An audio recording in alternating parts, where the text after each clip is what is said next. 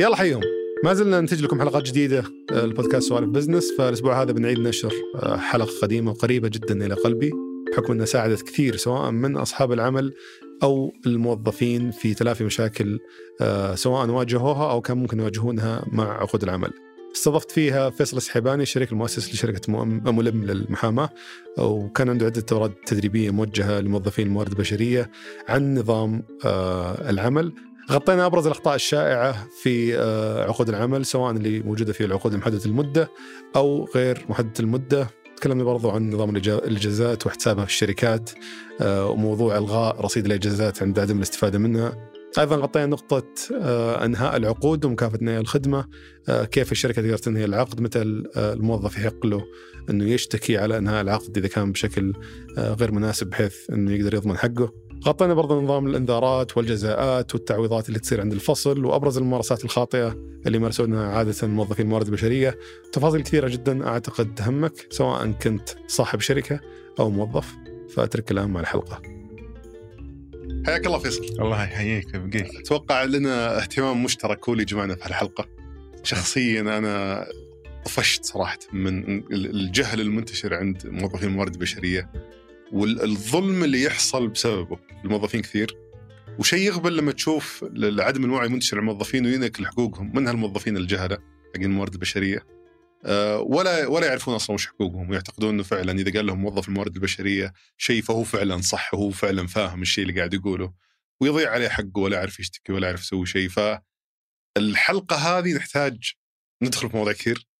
نحتاج نوضح أشياء كثير لصاحب العمل لموظف الموارد البشرية وللموظف اللي يبغى يضمن حقوقه انه ما حد يلعب عليه يعرف وش له وش عليه وش لا وش عليه وكيف يقدر يضمن حقه، أنا عارف أنت أساسا يعني أسست مكتب محاماة لهالسبب بالضبط إنك مريت في تجربة طويلة اكتشفت من خلالها ما شاء الله لك 15 سنة شغال في الموارد البشرية ومريت في تجربة طويلة آه، وأعطيت دورات كثيرة جدا اكتشفت من خلالها الجهل الكبير الموجود وبالتالي أسست مكتب. فلو تعطيني فكرة بس بسيطة عن التجربة دي آه هو كنت آه، يعني في في إحدى الشركات السابقة اللي أعمل فيها كنت أسافر آه بشكل يومي لجميع مناطق المملكة بدون استثناء. بحكم العمل فكان في اتفاقية مع صاحب العمل إنه في كل مدينة ممكن أسوي دورة أشرح فيها أهم النقاط في نظام العمل لموظفين الموارد البشرية. طبعا هي في البدايات كنت أسويها فقط في الرياض لما شفت إنه آه، فعلا آه، تخدم ال- الموظفين وبما إني مسافر مسافر يعني رايح مثلا العرعر رحلتي الفجر وعودتي 11 بالليل. الشركة كان لها فروع في اي. أغلب اي أغلب مناطق المملكة ف فأنا جالس جالس هناك ما عندي شيء فليش ما أضرب اثنين في واحد أدرب آه، زكاة العلم على قولتهم.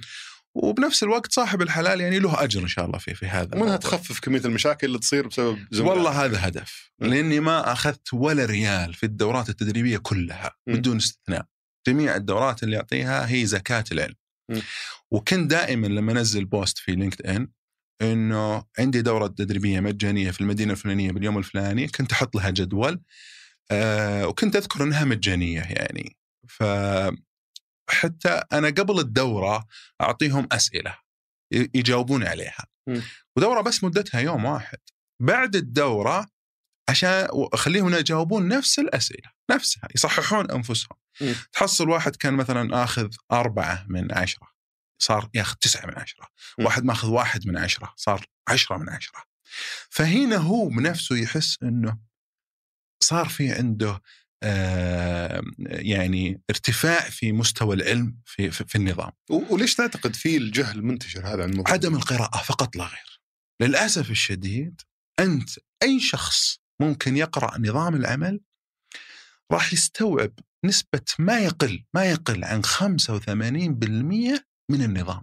وهذه مشكلة ترى في ناس لما تقول لهم مثلا في نظام العمل مكتوب كذا يعتقدون إنه كتاب هالكبر.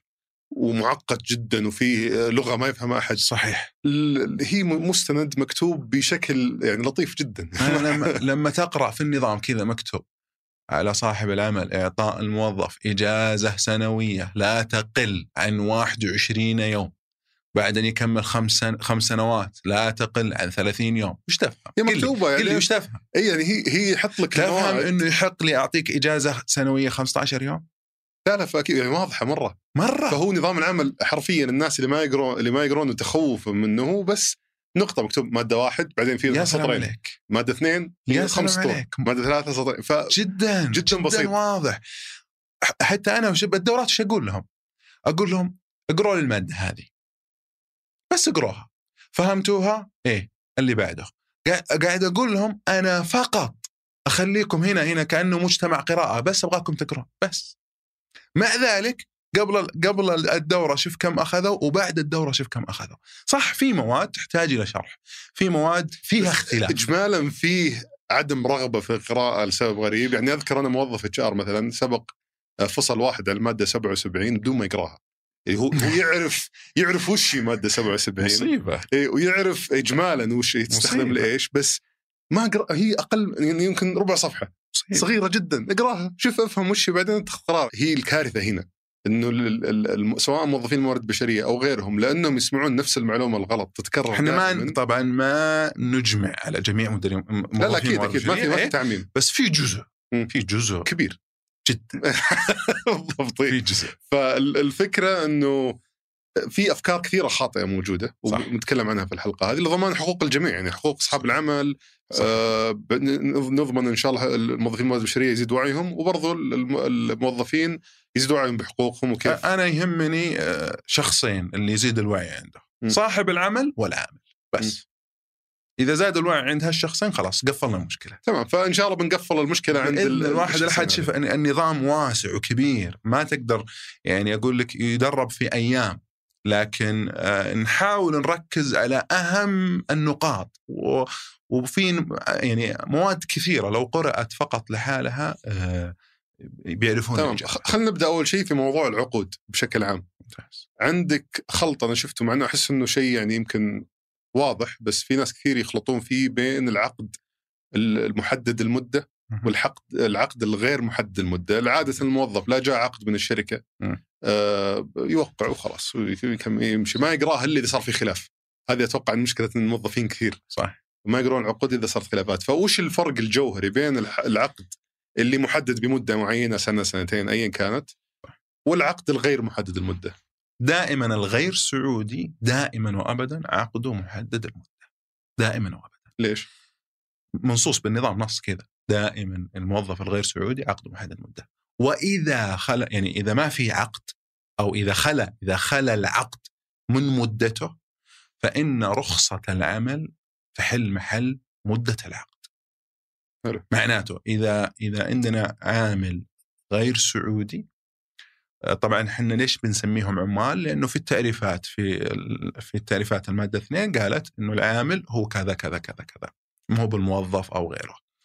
يعني آه، فالعامل الغير سعودي إذا إذا خلى عقده من مدته فدائما ننظر بالإنهاءات إلى رخصة العمل. حلو. نيجي للسعودي، السعودي في قسمين. إما إنه يكون محدد في العقد مكتوب إنه هذا العقد محدد المدة فله آلية أو يكتب فيه أنه غير محدد المدة وله آلية النقطة الثانية السعودي إذا عقده آه، تجدد ثلاث مرات أو كمل أربع سنوات على طول مباشرة ينتقل عقده إلى عقد غير محدد المدة تمام. طبعا يكون الاختلافات الجوهرية عادة في الإنهاءات كيف الإنهاءات وإلى آخره طبعا تقدر تضيف البنود الثانية زي مادة 77 بالإنهاء كيف الآلية وإلى آخره يعني هذه يمكن يعني أعتقد في العقد المحدد المدة. آه، يمكن الواحد يحتاج ينتبه قبل ما يوقع العقد أو حتى صاحب العمل ينتبه في العقد اللي يصيغه إنه آه، في طريقة الإنهاء هل أصلا ال- العامل يقدر ينهي العقد ولا لا؟ صحيح في ناس يجيهم عقد مدته سنة بس إنه ما يقدر يستقيل وإذا استقال لازم يدفع باقي العقد صحيح هذه هذه نكبة كبيرة يعني خاصة للغير سعوديين إذا ما كان يدري عنها واجهت كثير غير سعوديين ما يدري عنها إيه. ويعتقد إنه أنا عادي أنا موظف بستقيل وبمشي إذا انهى الماده 75 إيش تقول؟ إذا انهى العقد بسبب مشروع هذا الغير محدد المدة طبعا م. نتكلم عن محدد المدة طبعا لأنه خلاص عقدك أنت المدة في أي وقت تمشي عادي. اي العقد آه، مو عادي طبعا لها شروط ولها لا اذا أنا بستقيل خلاص. حتى لو تستقيل نشوف وش مكتوب في في البند. ممكن أنا كاتب لك إذا آه، طبعا إذا أنت تستقيل لازم آه، نقول إنه بسبب مشروع. خلينا من الأشياء اللي فيها استقعاد. نتكلم بالوضع الطبيعي الآن. أوكي. أنا استقلت من شركه إذا أنا بستقيل من شركة ممتاز. إذا كان عقدي غير محدد المده فأقدر أستقيل بالوقت بالوضع الطبيعي. والشركة وافقت. إيه يعطونك خلاص. مدة 60 يوم. 60 يوم هذه آه، اللي هي المهلة ال- صحيح. اللي قبل ما تترك الشركة إيه. فيها. هذا وضع طبيعي وافقت الشركة وأنت قدمت. فالعقد محدد المدة إذا إيه. ينتهي إذا هو مدته سنة سنتين ايا كان. صح. إذا في العقد موجود إني أقدر أنهي العقد في أي وقت أيوه. وأعطيهم مهلة معينة أقدر أطلع. إذا مو موجود لازم أعطيهم رواتب الأشهر المتبقية إلى نهاية العقد. أو ممكن برضه كاتبين مادة 77 لا انسى الفصل انسى الفصل. الحين أوكي. خلنا على الإنهاء. هو لأنه آه، هذه انك كيف أنت تعطي ال- ل- لمن نهاية العقد؟ مادة 77 هي اللي ذكرت الموضوع. م. لأنه أصبح الإنهاء بسبب غير مشروع. بابها واسع للأمانة ويحتاج شرح الكبير. طيب هذه دخلنا على نقطة ثانية الآن اللي هي الشروط اللي موجودة في العقد. أوكي. في كثير يعني من اللي شخصيا إما اللي واجهته أو أو اللي شفته بنفسي أو اللي أسمع عنه شروط كثير تنحط في العقد ما أصلا ما تقدر يعني ما تقدر آه، تلزم أحد فيها. شوف أي شرط مخالف للنظام فهو باطل. الشرط باطل والعقد صحيح. أي شرط خذها قاعدة. م. فإحنا دائما مرجعيتنا فدائما. نظام العمل هو الأساس. صحيح. والعقود تبنى عليه. يا سلام عليك مادة ثمانية تقريبا قالت يبطل أي شرط أو إبراء ما لم ما لم في النهاية وش قال؟ ما لم يكن أكثر فائدة للعامل م. على سبيل المثال الإجازات حددت في النظام 21 يوم إذا أنا أعطيت من أول سنة الموظف إجازة سنوية خ- مدتها 15 يوم يحق لي لا ما الشرط باطل على طول دايركت تصير 21 حتى يوم. لو العامل وقع وافق حتى. لو وقع إيه. حتى لو وافق لأنه اقلها النظام حددها 21 يوم الشرط باطل. ونرجع لنظام إنه 21 يوم وبعد خمس سنوات تصبح 30 يوم وعليه مخالفة. حلو. العمل فيها. لكن لو أنا أعطيته من أول مرة 30 يوم هذا أكثر فائدة للعامل. وبالتالي إذا الشرط. صحيح. إذا الشرط صحيح. طالما إنه أكثر فائدة للعامل دائما الشرط صحيح. وش في شروط ثانية منتشرة يعني من حسب اطلاعك؟ تنحط عادة في العقود وهي أصلا ما يحق لصاحب العمل يحطها يعني مخالفة لنظام العمل شوف هذه من أهمها حقت الإجازات هي اللي دائما نحطها. في نقطة ثانية مهمة لما يجيك يكتب شرط إنه احتساب مكافأة نهايه الخدمه على الراتب الأساسي فقط. مم. هذا شرط باطل. لأن النظام قال على الإجمالي الراتب الفعلي الأجر الفعلي اللي هو. الإجمالي آخر راتب لك. هذا برضو يعتبر شرط باطل. لذلك قد يكتب شروط كثيرة باطلة عادي لو وقع العامل عليها هي مخالفة للنظام لذلك المادة ثمانية حطت إنه إنه إنه يبطل كل شرط أو ابرام. وممكن الشرط اللي دائما يصير عليه جدل موضوع عدم التنافس إنه ما تقدر تنافسني إذا رحت لشركة ثانية إذا كان مكتوب في العقد هو طبعا ال- ال- ال- الشرط المنافسة لازم يكون مكتمل الشروط. يعني حاطين إنه ما يتعدى سنتين حاطين لازم تك لازم تذكر المدينة لازم تذكر ال- آه، نوع ال- ال- العمل للمنافسة. يعني. ما ما يصير إنه أنا يعني أشتغل في قطاع معين وقطاع هذا محدود تروح تمنعني من من كل الوظائف على القطاعات هذه. فكان له يعني آه، مادة المنافسة جدا سهلة لو تقرأها في النظام. بس لها شروط. إذا اكتملت الشروط صار الشرط صحيح. إذا لم تكتمل الشرط الش- الشروط ما لو جيت قلت لي أنا ما تنافسني خمس سنوات لا. هذا غلط. النظام حددها كحد أقصى سنتين. حتى لو وافقت عليها النظام هو اللي يسري ال- بالضبط. يا سلام عليك. إيه. اي الشرط باطل. وإن طيب وإن جاء في شركات عندهم ممارسات آه أيضا من الشركات اللي اللي شفتها أو اطلعت على شغلها إنه آه بيفاوضون العامل إنه ما تستقيل إلا لما توقع عدم منافسة. هذا في خلاف. م. هذا في خلاف يعني. في جزء يقول لك والجزء الأكبر يقول لك إنه طالما إنه هذا الإبراء آه، صار يعني بعد التعاقد فهو باطل. ليش؟ لأنه أنت أجبرتني على هذا الموضوع. آه لأنه الأصل إنه شرط المنافسة يكون قبل التعاقد. لأنه لو أنا جيت وتعاقدت معك وقلت لك يلا وقع لي شرط منافسة ورفضت. خلاص ما أجيك من الأساس. م. لكن لما جاء التعاقد وبدأت معك تيجي تعطيني شرط المنافسة أكيد ما راح أقبل. طب دام انك جبت سيرة ال- الإجازات قبل شوي فيها برضو لخبطة شوي في موضوع الإجازات إنه قلنا طبعا إنه عندك حد أدنى للإجازات اللي تستحقه كموظف. صحيح 21 يوم. بشكل سنوي. لمدة خمس سنوات بعدها يصير 30 يوم المينيموم خلاص أقل شيء 30 يوم. آه لا يجبر صاحب العمل يرفع إيه. الرصيد لك قوة النظام. سنوي. صحيح. حتى لو ما انكتبت في العقد. هي خلاص هي أصلا آه، طبعا الآن في شيء اسمه عقود إلزامية موجودة بال- بالموقع من ضمن العقود؟ الإلزامية آه، وزارة الموارد البشرية م. موجود العقد الإلزامي صيغته مرة سهلة حاطين انه وش الأشياء الإلزامية للسعودي وللغير سعودي وللمرأة برضو م. في شروط إلزامية للمرأة زي إيش؟ إجازة الوضع لازم طبعا هي كلها مذكورة في النظام بس وش قال لك في وزارة إنه لازم تذكر في العقد م. عشان الموظف لما يقرأها يفهمها م. زي زي شرط- شرط الإجازات. ملزم صاحب العمل يكتبها. يكتب يستحق الموظف 21 يوم إجازة سنوية وبعد خمس سنوات. عشان الموظف يعرفها. مو- مع ذلك ما يقرون الموظفين العقود. لا أصحاب العمل ما يحطون لا بس قصدي اجمالا يعني حتى لما ينكتب البنود هذه كلها في العقد الموظف ما أدري ليش فيه يعني نسبة في جزء كبير. ما يقراها. إيه. في عندنا ما- ما زالت في في ناس حاطينها ثقة.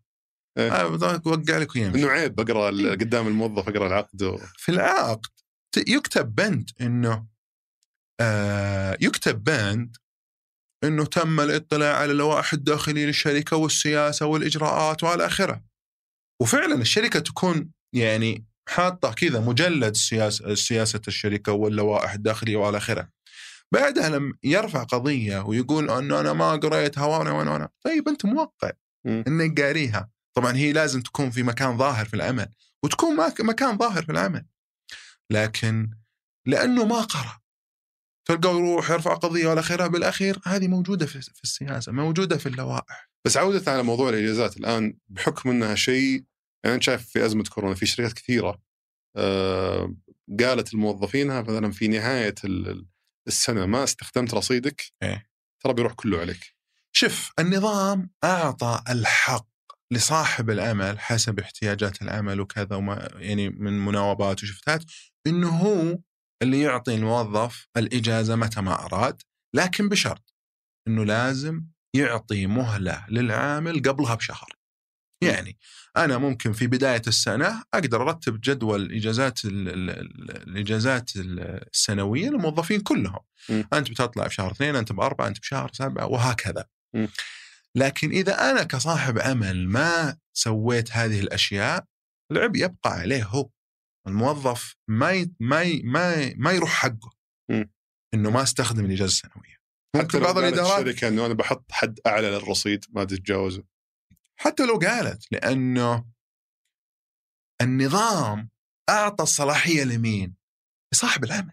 لأنه هو السلطة الأقوى قال أنت تحدد إجازة تجي ترسل إيميل رسمي للموظف تقول ترى إجازتك من يوم الفلاني ليوم الفلاني نقطة انتهى خلاص تقدر توقف بطاقته الوظيفية ما يدخل ولا يطلع م. خلاص وفعليا تحتسب لازم قبلها. بشهر لازم قبلها ب 30 مو بتجي يوم. مخترش آخر السنة أيوه مو تجي تقول الأسبوع الجاي تطلع ولا من بكرة تبدأ إجازتك هذا هذا مخالف للنظام م.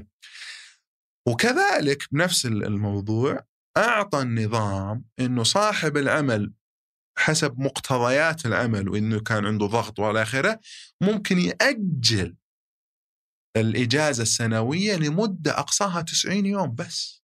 بس 90 يوم ثلاث شهور عن موعدها الأصلي بعد ذلك لازم يأخذ توقيع العامل خطيا إنه. يأجلها أكثر من يأجلها بس لمدة سنة واحدة من استحقاقها يعني بس سنة واحدة تأجل فقط لا غير م. وإجباري بعدين يأخذها لذلك بعضهم يقول لك أنا ما أطلع موظفين إلا كل سنتين مرة. م. بالذات الأجانب العمال الهنود الباكستانيين الفلبينيين يقول لك نشتغل عندي سنتين بعدين يطلع إجازة. 21 يوم 21 يوم اللي هي 42 يوم. يجمعها مع بعض ويسفروا آخر الليل. لازم يوقع العامل على على على آه، على تأجيلها. على تأجيلها. لازم العامل يكون موافق. ولو رفض العامل خلاص يأخذها لأنه بعد 90 يوم إجباري يأخذها العامل إلا إذا وافق. بعد 90 يوم من طلب العامل. إذا أنت رفضت لك الحق تأجلها بس 90 يوم. صح. وبعدها لازم تعطيها ويقدر يشتكيك صح. وياخذ هل ياخذ بس الإجازة حقته إذا اشتكاك ولا برضه ياخذ ولا تغرم على؟ ما عندي خلفية عن الغرامة الأمانة لكن يأخذ ال- الإجازة. طب الأنظمة الإضافية أنت ما جاوبتني عليها زي مثلا آه إذا ما أخذت إجازة قبل نهاية السنة ترى سيلغى رصيدك لا بالكامل. خلاص لا الرصيد يبقى. الرصيد يبقى.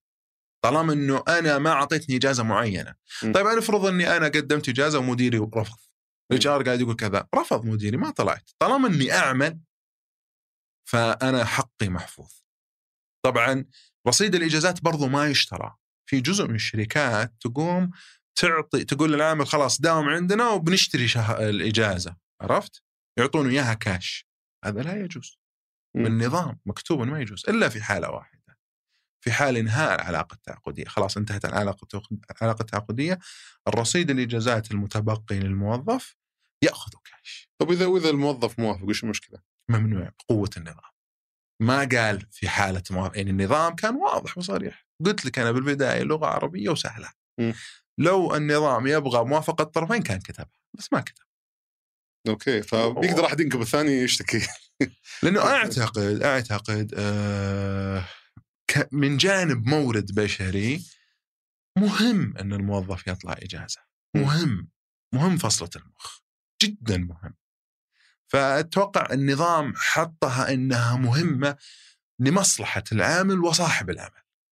جميل. انت صدمتني في معلومة قبل الحلقة موضوع فترة التجربة إنها ما هي شيء أساسي من عقود العمل. صحيح. أنا من من الدنيا دنيا وأنا أعرف إنه فترة التجربة لازم تكون موجودة. في كل عقد عمل. صحيح. هل هذا شيء تغير ولا إحنا فاهمين غلط من زمان؟ لا ما قرينا النظام بس. لأنه أوكي. الأصل ما في فترة تجربة. إذا صار عقد ما هو مذكور فيه فترة تجربة الأصل من أول يوم عمل ما في فترة تجربة. هذا الأصل. فنظام العمل ما يلزمك كشركة أو كعامل إنه يكون فيه في في عقد العمل فترة إيه تجربة. وش قال في المادة؟ قال إذا كان العقد خاضعا لفترة تجربة. شوف إذا أوكي. يعني الأصل إنه مو بخاضع وجب النص على ذلك صراحة. م. وبوضوح. يعني شوف لازم تكون فترة تجربة منصوص عليها بصراحة ووضوح. وفترة التجربة نظام العمل يقول إنها محددة بأيام معينة؟ جايك الحين بالطريق. مدتها 90 يوم ويجوز باتفاق مكتوب بين الطرفين إنها تمدد إلى آه، 180 يوم. التمديد أنا لو ب... بجيك. بس عشان بس 90 يوم هنا في خطأ دائما يصير من موظفين موارد بشرية إنه قد يكون الشهر هذا 31 يوم والشهر الثاني 31 يوم والشهر الثالث قل 30 يوم فصار العامل 92 يوم فيفصلونه في آخر يوم اللي هو 92 يوم م. هذا الفصل تعدى فترة التجربة لأنه النظام قال 90 يوم ما قال ثلاثة لأن. فترة التجربة تقدر تفصله في أي يوم في لحظتها تقول في لحظتها أيوه وما قال في النظام ثلاثة أشهر. لو قال فيها ثلاثة أشهر ممكن أنك تحسبها على ثلاثة أشهر من أول يوم عمل سواء الشهر زي فبراير 28 يوم أو زي الأشهر الثانية 31 يوم. لكن تعرف في, النظام لما يكون إنه التاريخ ميلادي وأخيرا والشهر هذا يكون 31 يوم فموظفين موارد بشرية ينسون عن هذا الموضوع جاي في أول أوغست أيوه جاء في أيوه عرفت في 2 أوغست وبتفصلوا كذا عرفت إيه. فيجي يفصلوا بالخطأ وصدر أحكام في هذا الموضوع إنه بتعدوا 90 يوم فالنظام كان واضح إنها 90 يوم. هذه من الملاحظات اللي تصير دائما من يعني أحب أنوه عليها من موظفين الموارد البشرية إنه يتأكدون بالأيام والنقطة الثانية إنه إذا كان في اجازات رسمية في النص ما تحسب من فترة التجربة. إجازات النظام قال عيدي الأضحى والفطر والإجازات المرضية فقط لا غير.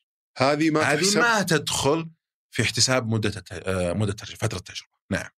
آه. في معلومة ثالثة مهمة قد تصدمك اللي هي حق الإنهاء. ترى حق الإنهاء ثلاث أنواع. قد يكون للطرفين قد يكون لطرف الشركة فقط وقد يكون لطرف العامل فقط.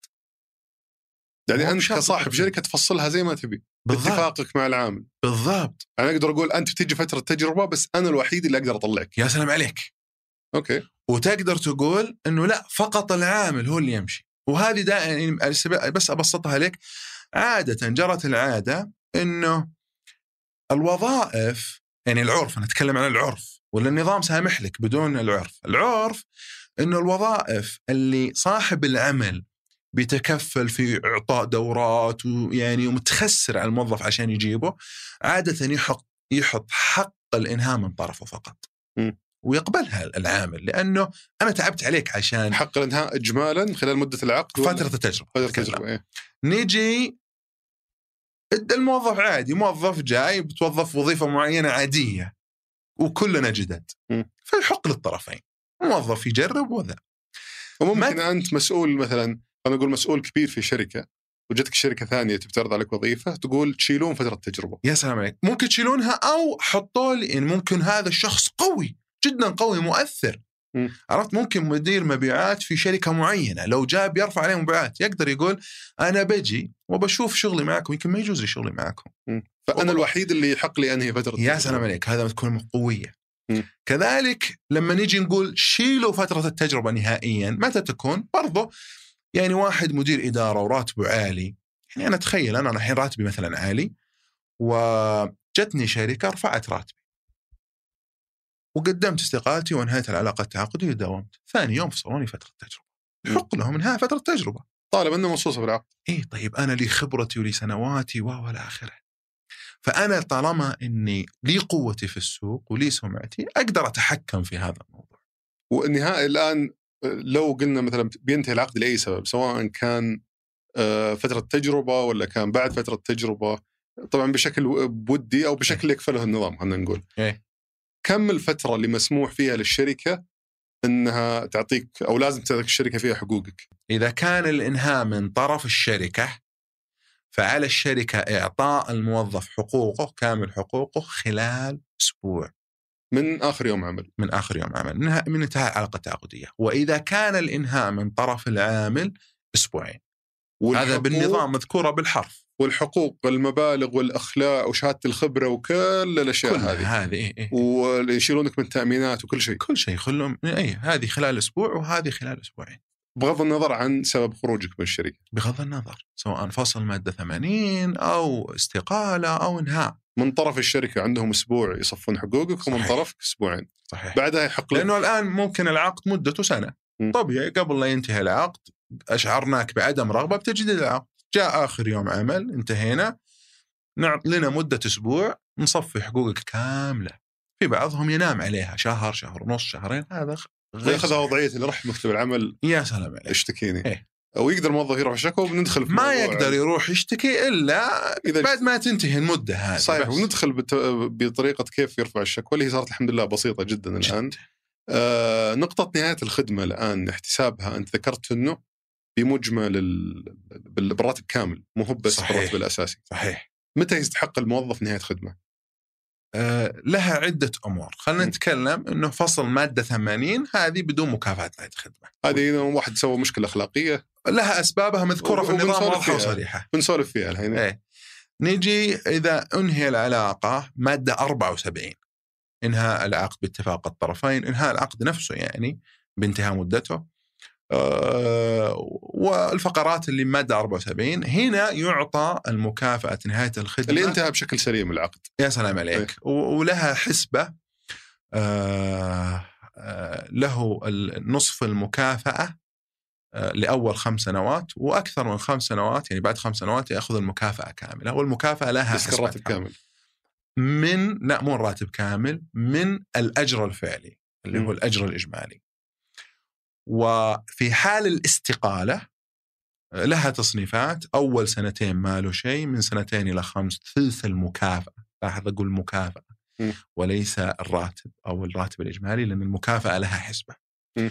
من خمس سنوات إلى عشر سنوات ثلثين المكافأة وأكثر من عشر سنوات لتبسيطها في آلة حاسبة أونلاين جدا لل- تحسب لك سهلة. نهاية الخدمة لكن أنا ممكن أدخل في معلومة مهمة جدا جدا جدا بما أنك ذكرت مكافأة نهاية الخدمة اللي هي مبلغ العمولات الموظفين المبيعات هذه تحديدا إي احتساب مبلغ العمولات القابل للزيادة والنقص. م. في مادة إذا ما خانتني الذاكرة مادة 86 آه قالت آه، في في مجمل المادة إنه يحق لصاحب العمل يحق لصاحب العمل آه يعني وضع شرط في العقد أن ال- المكافآت ال- ال- ال- تقريبا زي قولته ان مكافآت ال- اللي اللي جاية عن ثمن المبيعات والقابلة للزيادة والنقص والى اخره لا تدخل في احتساب مكافآت الخدمة. م. إذا وضع هذا الشرط فإن الاحتساب مكافأة الخدمة على الراتب الإجمالي فقط. إذا لم يوضع هذا الشرط فإحنا لازم نشوف متوسط العمولات ال- ونضيفها لل- للراتب الإجمالي، وبعطيك على سبيل المثال. أنا راتبي 2000 ريال وأنت راتبك 2000 ريال. أنا آخذ عمولات شهرية 100 ألف ريال وأنت تأخذ شهريا عمولات 100 ألف ريال. أنا مذكور في عقدي إنه ما تدخل في مكافاه نهاية الخدمة العمولات القابلة بطبيعتها الزيادة والنقص. وأنت كذلك. نعم. عفوا أنت ما. أنت لم يذكر هذا العقد، هذا البند لم يذكر في العقد عفوا. في احتساب مكافاه نهاية الخدمة أنا سيحتسب لي على الراتب الإجمالي 2000 ريال. مع أوكي أما أنت سيحسب فقط آه، عفوا سيحسب مئة ألف زائدا 2000 ريال لو قلنا المتوسط كان مئة ألف. م. فستحسب على 100 و2000 ريال. هل هذه عن كل سنة. نفس نفس الشيء يطبق على مثلا البدلات الثانية مثلا خارج دوام؟ لا لا لا. إحنا قلنا عن ثمن المبيعات. القابلة للزيادة والنقص. المادة واضحة وصريحة عليها. بس أنا شخص هذه بدلات هذا بدل سكن بدل لا لا بدل مو مو. البدلات الأساسية. أنا قصدي مثلا واحد يش يخلونه يشتغل على قولتهم اون كول اللي يشتغل مثلا يمسك آه، آه، اللي يكون متواجد في أي لحظة احتاجه الدوام يشتغل ويأخذ ثمن العمل هذا. لا ف- هذا بدل. إحنا نتكلم عن ثمن قادم. أنا ما ودي آه، شوف الن- النظام ذكر المادة واضح وصريح فقط على العمولات.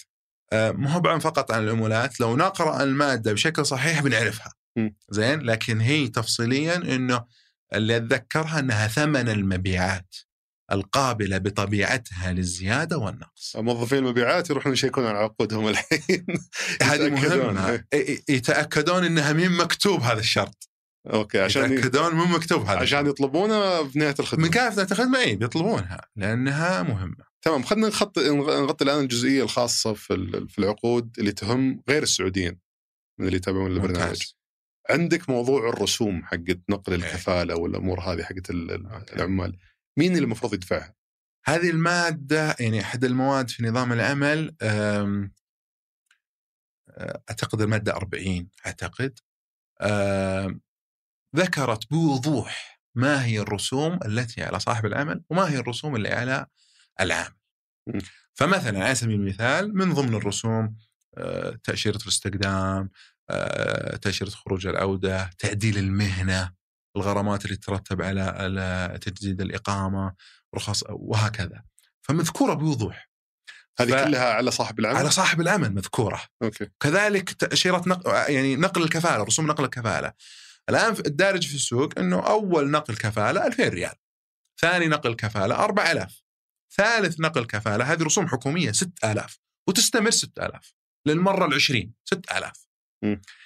فيه جزء كبير من الشركات للأسف أو خلينا نقول جزء صغير من الشركات للأسف يحملون العامل جزء من هذه الرسوم وهذا مخالف للنظام وعليه غرامة. يعني غير إنه مخالف عليه غرامة. لمخالفته النظام. فالرسوم هذه كاملة على صاحب العمل أنا أنصح الغير سعودي يقرأ المادة 40 إذا ما إذا ما خاب ظني. مكتوب بوضوح بوضوح. وذكر الأشياء من طرف العامل. على سبيل المثال ال- ال- التذكرة. يعني برضو من من ضمن الأشياء المهمة إذا انتهت العلاقة التعاقدية على صاحب العمل إصدار تذكرة الخروج النهائي. خلاص خلاص بيسافر يغادر البلد ملزم إنه يدفع التذكره م. متى العامل يدفع التذكره الخروج النهائي إذا كان غير يصلح يعني فترة تجربة غير صالح فترة تجربة أو إذا أنهى العقد بسبب غير مشروع ماده 77 حلو. إذا كذا من رأسه بينهي العقد بيسافر هنا يدفع التذاكر هنا ملزم بقوة النظام إنه يدفع وذكرت لي أنت إنه نقطة إنه الأجانب يأخذون تذاكر سنوية هذه ما هي ملزمة. هذه مو ملزمة. هذه هذه الأشياء التذاكر اللي ذكرتها لك قبل شوي هي الملزمة في النظام. أما التذاكر تراها عرفا بس عرف. اللي هي بشكل سنوي آه، يعطونها آه، ميزة تنافسية. مم. هي ميزة تنافسية فقط. وتقدر تحطها تذكرة يعني في بعض الشركات تعطيها تذكرة سنوية بعض الشركات تحطها تذكرة لكل سنتين. م. تقدر تحطها تذكرة كل ثلاث سنوات لأنها ميزة تنافسية تمام ونقل الكفالة الآن مجبر. بما إنه شيء جديد سيطبق الآن في مارس آه 2021 آه متى يحق العامل الأجنبي إنه ينقل كفالته؟ هذه هذه لسه آه، لكن من ضمن ال ال الأشياء اللي موجودة كاقتراحات وكذا محطوطه إنه آه، إذا انتهى العلاقة التعاقدية وعقده يعني أعتقد غير موثق في آه، برنامج مدد وكذا له آلية أعتقد بيسبب آه، كذا حفلة في الفترة القادمة لأنه يعني شيء جديد علينا من سنوات ما هو موجود. عرفت؟ شيء شيء جديد علينا من سنوات يعني. آه، آه، كذلك الخروج والعوده الآن ترى في مقترح نازل في الوزارة آه، مقترح لتعديل أنظمة كثيرة مثل ساعات العمل بدل ما هي 48 ساعة. حاطين مقترح إنها تكون 40 ساعة. ففي أشياء قاعدة تصير. رسوم تأشيرة الخروج والعودة أعتقد من إذا ما خابتني الذاكرة من من ضمن المقترحات إنها تكون من الرسوم على العامل وليس صاحب العمل. بس خلنا على اللي موجود الآن. مم. كنقل كفاله أنت الآن النظام النظام الحالي لا قصدي اللي بيبدأ من مارس الآن. خلينا نتكلم عن النظام الحالي، النظام الحالي برضو في نقطة مهمة ما يعرفها الناس إنه ترى إذا أنت نقلت كفالتك وجيت على صاحب العمل ترى صاحب العمل الحالي يحق له يسوي لك خروج نهائي. في أي وقت؟ في أي وقت. يعني طبعا بن- حسب العقد. حسب العقد وكذا. بس أقصد إنه مو مجبر إنه يرجع ينقل كفالتك مرة ثانية. مم. يعني ماخذينها الناس إنه طالما إني أنا نقلت أقدر أنقل هذا غير صحيح حتى في شهر مارس الحين بعد تل- لا. التعديل له آلية معينة مم. فبيسبب يعني جزئيات معينة آه آه هو يعني بيخلي في أمور كثيرة أنا ترى مبسوط من التعديل مم. مبسوط من التعديل لأنه له فائدة كبيرة للسعوديين للأمانة له كبيرة ناحية؟ للسعوديين توظيف السعودي مم. الآن الآن أغلب ال- في الوظائف الموجودة حاليا ال- ال- الاجنبي يعني تقدر تقول مو قلت لك أنا أول انه سلطة نقل الكفاله والخروج النهائي بيد صاحب العمل. مم. السعودي يقدر ينقل لأي شركة في متى ما بغى انتهى العقد صح؟ لما تصير هذه السلطة لل- للعامل الغير سعودي آه، نفس نفس صار نفس السعودي. فهنا تخلق فرص سعودية يعني وظائف سعودية أكثر.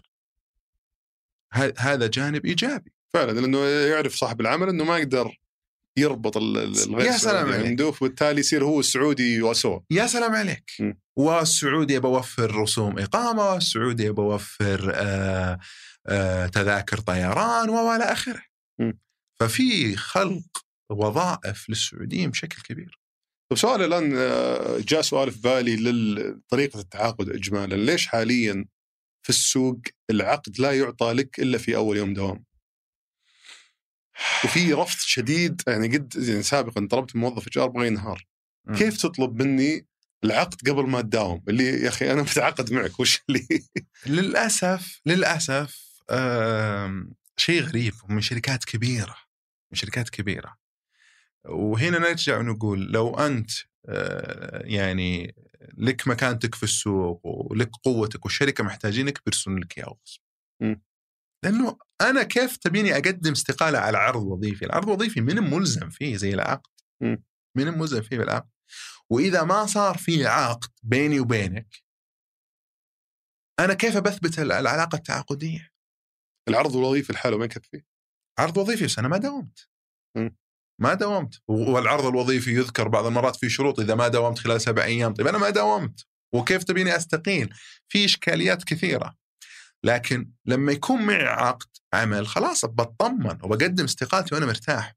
في شركات للأمانة صغيرة ومتوسطة تعطيك عقد العمل قبل لا تستقيل. أصلا للموظفين الغير سعوديين في سفاراتهم يط- يلزمونا بالعقود. فإحنا نجهز عقودهم قبلها بثلاث شهور.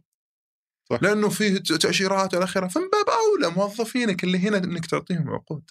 أنا ما أعرف مدى التكتم لها صراحة. لكن إيش الإشكالية إنك تعطيه عقده؟ من البداية ويعرف الشروط والبنود حقتها. لأنه ممكن في شروط أنا ما أبغاها. اتفاجئ فيها في أول يوم عمل؟ أكيد لا. فأنت تشوف ال- ال- التصرف السليم إنك أصلا توقع على عقد العمل وليس على العرض الوظيفي صحيح قبل ما تقبل أو قبل ما تقدم استقالتك قبل ما قبل ما آه، قبل تقدم استقالتك نعم. عشان ما تتفاجأ إنهم يقولون لك مع السلامة وفكيف تثبت العقد؟ أنت تقدر في مادة في النظام حفظت حق السعودي بإثبات العقد. مم. يعني قالت في حال عدم وجود يعني يلزم على صاحب العمل والعمل إنه يكون في عقد يعني من نسختين كل واحد نسخة ولكن في حال عدم وجود عقد فإن للعامل وحده فقط إثبات العلاقة التعاقدية بأي طريقة كانت. سواء كشف حساب لل- للتحويلات الشهرية الحوالات حسابات- البنكية، تسجيله في التنمية الاجتماعية، الإيميلات، حضور وانصراف البصمة، الشهود، الكاميرات، هذه كلها تعز business card، عرفت تعامل مع عملاء، هذه كلها طرق إثبات. حتى لو ضاعت العقود حقتك حتى لو العقدين مو إيه، موجود. تقدر تثبت عند آه، أكيد. مكتب العمل أكيد. إنك أكيد أنت موظف مليون بالمية تقدر م. تثبت لكن لما ما يكون في عقد ولا ولا داومت عندك م. كيف بثبت؟ أنا الآن كصاحب شركة لما نجي نتكلم عن العرض وظيفي. الوظيفي? اي لو أنا صاحب شركة أعطيت واحد عرض وظيفي صحيح واستقال وقبل ما يجي كنسلت العرض الوظيفي هذا ممتاز. هل أنا مطالب بشيء؟ كعامل لا. كصاحب عمل كصاحب عمل فيها خلاف م. فيها خلاف العامل كيف وش اللي يعني يشتكي ليش؟ هو عشان كذا نقول عشان تكون حجتك قوية آه، طالب بالعقد. هذا لا يمنع إنه يقدم شكوى بالعرض الوظيفي بس يقدر تقدر الشركة الثانية تقول والله العقد في فترة تجربه والرجال ما داوم فأنا كنسلته هذا في خلاف كبير. آه، الأصل إنه ما في فترة تجربة بالعقود أوكي صح. بس هي إذا وثقت خلاص فيه. إي إذا وثقت وصار في عقد عشان كذا إحنا دائما وابدا ننصح. والحمد لله الحين صار التوثيق أصلا إلكتروني وملزم بين الطرفين. فهذا شيء جدا إيجابي. طب بس أنت تقول العرض لحاله ما هو ملزم؟ مو هو بالعرض الحالة مو هم ملزم قدر ما إنه إحنا قلنا إثبات العقد والحالة التعاقدية لها طرق عديدة وسلطة تقديرية للقاضي. إنه. هل فعلا هذه هذه الأشياء اللي جابها العامل تفيد إنه في علاقة تعاقدية أو لا؟ هل منطقي يعني ممكن يجيك يقول لك لا أجرى بلا عمل عرفت ولها خلافات ولها إشكاليات بس عشان ما نرفع التوقعات يعني خلينا نقول العامل اللي في بداية عمله ومسيرته المهنية لا يتوقع تجاوب في تعديل العقود أو الحصول على العقود أكيد المذكرة. إيه صحيح هذه شكرا لك إنك نبهتنا لأنه في عليها. وفرة طالما إنه موظف جديد لا تتشرط في العقد م. لا تتشرط أي بند مخالف للنظام خلاص اعرف أنت إنه أصلا هذا مخالف للنظام ووقع العقد وربنا ولك الحمد. لا تتشرط لا تقول ما أبي فترة تجربة. م. لا تقول ما أبغى كذا هذه شكرا لك اي لأنه إيه. أنا أخاف ناس يسمعون الحين إيه، حترجع إيه. على رجلي تو متخرج من الجامعة. أيوه اي لا، أنا وأنا جاي وأنا دارس بأمريكا وكذا. اي لا أنا أتكلم إنه ودائما أوضح إنه لازم يكون له قوته في السوق هو اللي م. يقدر يتشرط يعني لأنه الموضوع تفاوض في النهاية زيه زي الراتب يا سلام عليك إيه. تفاوض 100% أنت ما تقدر تيجي تقول آه، في الراتب أعطوني 50000 وأنت متخرج زي نفس الشيء بالعقد ما تقدر تطلب صحيح تعديلات صحيح. وأنت وللأمانة أنا يعني آه يعني ما يعني ما نب مع إنه آه شيلوا فترة التجربة وما فترة التجربة والى اخره إذا أنت عارف نفسك وعارف قدراتك إذا أنت شخص عارف نفسك وقدراتك السوق كلهم يبيك يبغى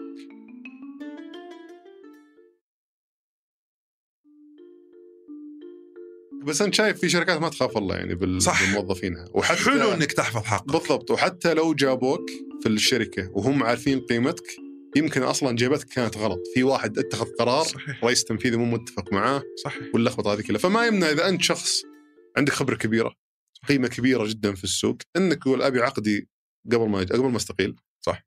عشان تشوف الشروط. بالضبط. أفاوضكم عليها. أبي أشيل فترة تجربه صحيح. ما أبغاها تكون موجودة أو صحيح. حتى أنا الوحيد اللي أنهي.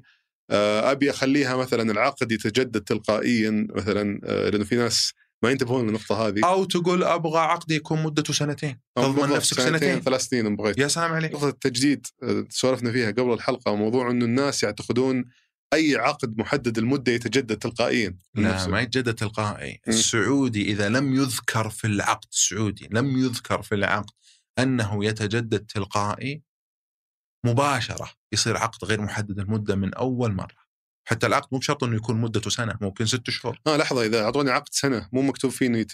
أنت قصدك إذا عقد سنة مو مكتوب فيه إنه يتجدد تلقائي إيه. على نهاية السنة بعد سنة بيوم على طول دايركت يصبح عقد غير محدد المدة أو يعطونك إشعار قبلها بفترة يكت- يذكرون لك أنه آه نرغب بتجديد العقد لمدة مماثلة أو لمدة محددة. وإذا كان يتجدد إذا ما أشعروك خلاص خلاص مباشرة. اي عقد غير محدد مدة. وهذا طبعا برضو يصير فيه خلاف. دائما نقول موظفي الموارد البشريه ركزوا. يعني قد يكون هذا الشخص مدته سنة ويت وما يت ما يتجدد تلقائي. حلو؟ ما يتجدد تلقائي. فأصبح عقده غير محدد المده فلما يجون يقعد في الشركة ما يطلع. إيه يصبح إيه على طول. إيه إذا داوم وما أشعر ما كان في إشعار من الطرفين بالإنهاء يد- يداوم حتى لو العقد المفروض ينتهي. السعودي ذكر النظام. إذا إذا النظام كان واضح وصريح آه فيها. أنا بس عشان أبسطها. السعودي الآن. آه، عقده مكتوب إذا ينتهي استمر طرفاه. إيه، إذا السعودي ينتهي عقده محدد المده في نهاية السنة في 31 ديسمبر مثلا. إذا أو مكتوب. طبعا لأنه العقد ممكن ثلاث آه، شهور. اي لا لا أنسى. أنسى. أنا أقول إنه مثلا عقد سنة. ما عقد سنة. باشر ب 1 1 2020 ينتهي ب 31 12 2020 ممتاز. إذا انتهى في 31 12 وما فيه شيء يقول إنه يتجدد تلقائي. أيوه. ولا أث- ولا أحد الطرفين أشعر الآخر بالتجديد. يستمر الموظف واحد ي- يناير. 1 1 2021 داوم العامل. باشر. داوم. أصبح عقده غير محدد المده مباشره فصاحب العمل حتى لو أعطى عامل عقد مدته سنة وما يتجدد لازم يقول لي تراها أنهيته. إيه لو بينهيه لازم قبل الانهاء ما يقدر يقول خلاص بالعقد مكتوب وخلص العقد. إيه لا لا لازم يجي يقول له ترى أنا بنهيك قبلها. مم. حتى لو ما فيها شروط وآليات لو قبلها بيوم. لو ما حدد متى مدة الإشعار بالإنهاء. لو قبلها بيوم. يقول ترى أنا لا أرغب بتجديد عقدك ومع السلامة آخر دوام لك بكرة. يقدر. أو الموظف يقول للشركة لو قلت لك أنا هذه مهمة ترى النقطة إنه لو ما ذكر في العقد عشان كذا دائما أقول لك العقد فيه شروط كثيرة. من ضمنها هذا البند لو ذكر العقد يجب شوف يجب على الطرفين إشعار الآخر بالإنهاء قبل بشهر. مم. معناته إحنا نتكلم عن نفس عقدنا اللي قبل شوي معناته في 1 ديسمبر تجدد العقد تلقائي إذا ما جاك إشعار قبل المدة المذكورة في العقد يا سلام عليك اللي شهر خلاص إيه. خلاص تجدد. مم. فمن 1 ديسمبر أنا ضامن إنه متجدد. طيب لو كتب قبلها بشهرين؟ 1 نوفمبر. أنا ضمنت ب 1 نوفمبر الآن إنه تجدد تلقائي. حتى لو ما حد اشعرك حتى لو ما حد شرني لأنه مم. مكتوب وفي حالة الإنهاء لازم قبلها بشهرين. اذا أنا ب 1 نوفمبر متجدد عقدي لمدة سنة قدام. طب خلينا ندخل في موضوع شوي حساس ولكنه أشوفه مهم. يفهمون الطرفين لأنه أصحاب المشاريع الناشئة آه، بيسوونه بكثرة. وال- وال- والناس اللي بيشتغلوا مع المشاريع الناشئة هم يعرفون اللي هو موضوع الفصل. أوكي. آه، المشاريع الناشئة عكس الشركات الكبيرة ما تقدر تتحمل موظفين تعبانين فتحتاج يمكن تمر خاصة إنه ما تقدر تنافس في السوق على موظفين كبار في البداية على الأقل فتحتاج تجرب ناس كثير ممتاز. تمر فيهم. وفي بعضهم ما تقدر تخل يعني تجرب مخالفه التجربه ف يكملون في التعاقد معهم بعدين يضطرون يفصلونهم بعدين لسبب آخر. تقليل تكاليف الرجال طلع سيء الرجال طلع ممتاز لكنه كشخصية مسبب شوشرة ويبون يحافظون على ثقافة الشركة وما إلى ذلك. ممتاز. فالآن خيارات الفصل. عندنا أول شيء ال- المادة 80 المادة 80 هذا إنه الشخص سيء إيه. وحطت يعني النظام كتب وش الأسباب. آه خلل بالشرف والأمانة التزوير آه غياب مدة آه متواصلة يعني عدد معين أو مدة منقطعة خلال السنة العقديه مدة معينة. وأمثلة على هذا الأشياء يعني حاطين كذا تس- تسع فقرات تقريبا مم. يعني واضح قراءتها عشان المادة ما 80 بس ماده 80 عشان ما عشان ما نطيف للموضوع بس الأشياء اللي فيها تلفظ مثلا أو تعدي هذه شلون توثقها؟ كيف يعني هي في أحدها فيها تلفظ صح؟ إنك تلفظ على مديره أو شيء زي كذا آه إنه سب وشتم على آه على المدير المسؤول وكذا هذه. لها يعني لازم لازم لازم تثبتها يعني إما مم. في كاميرات أو شهود إلى آخره. طبعا فيها تحقيق وفيها وفيها إنه الموظف لازم يبدي رأيه. مادة 80 فوق يعني نصت إنه يعني المادة تراها ما بسيطة ابدا ما هي بسيطة. سالفة إني أنا بنهي شخص ما هي بسيطه لازم يقرأ يعني موظف الموارد البشريه لازم يقرأ المادة بتمعن المادة ذكرت إنه لازم يكون في تحقيق. لازم نعطي الطرف الثاني إنه يعطي رأيه يبدي رأيه. مو بالساهل وفي بعضها في بعض الأشياء تستوجب رأيه. إنذار. في بعض الشغلات لازم تبلغ السلطات المختصة خلال 24 ساعة من وقوع الحدث. م. فالمادة لو قرأتها سهلة للفهم.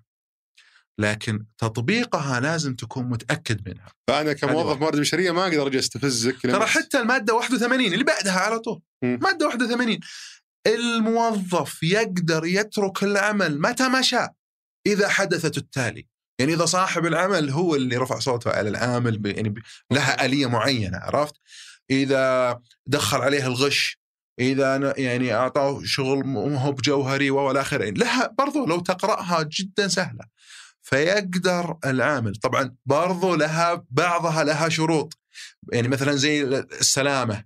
لازم يب... يعني إذا كان المكان غير مهيأ والى اخره لازم صح يعني الموظف يكون أبلغ صاحب العمل وصاحب العمل ما سوى شيء. هنا تقدر تترك الوظيفة وت... وتحفظ حقك فيها. م. فالمادة 80 مهمة لصاحب العمل إنه يقرأها. مادة 81 اللي بعدها على طول مهمة للعامل.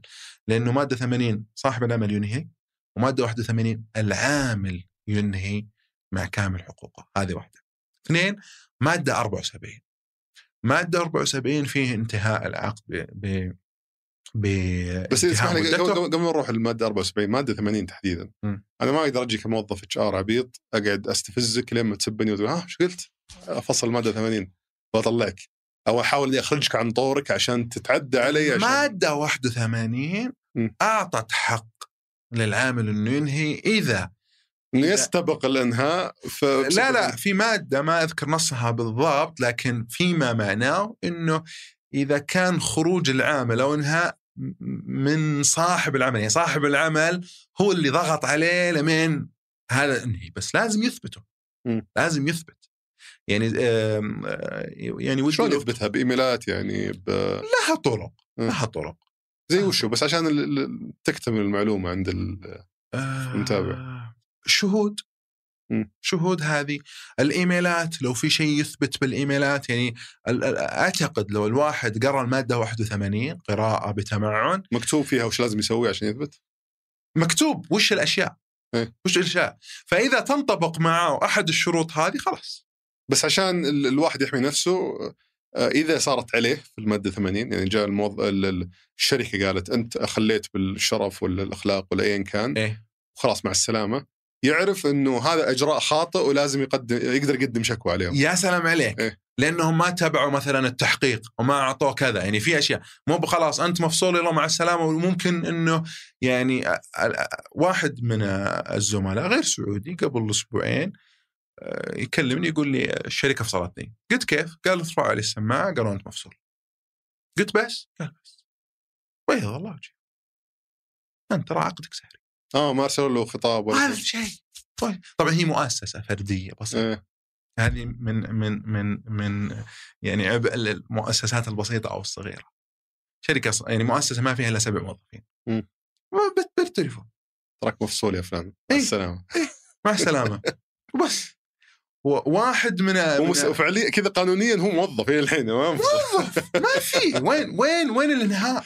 لازم يكون مكتوب.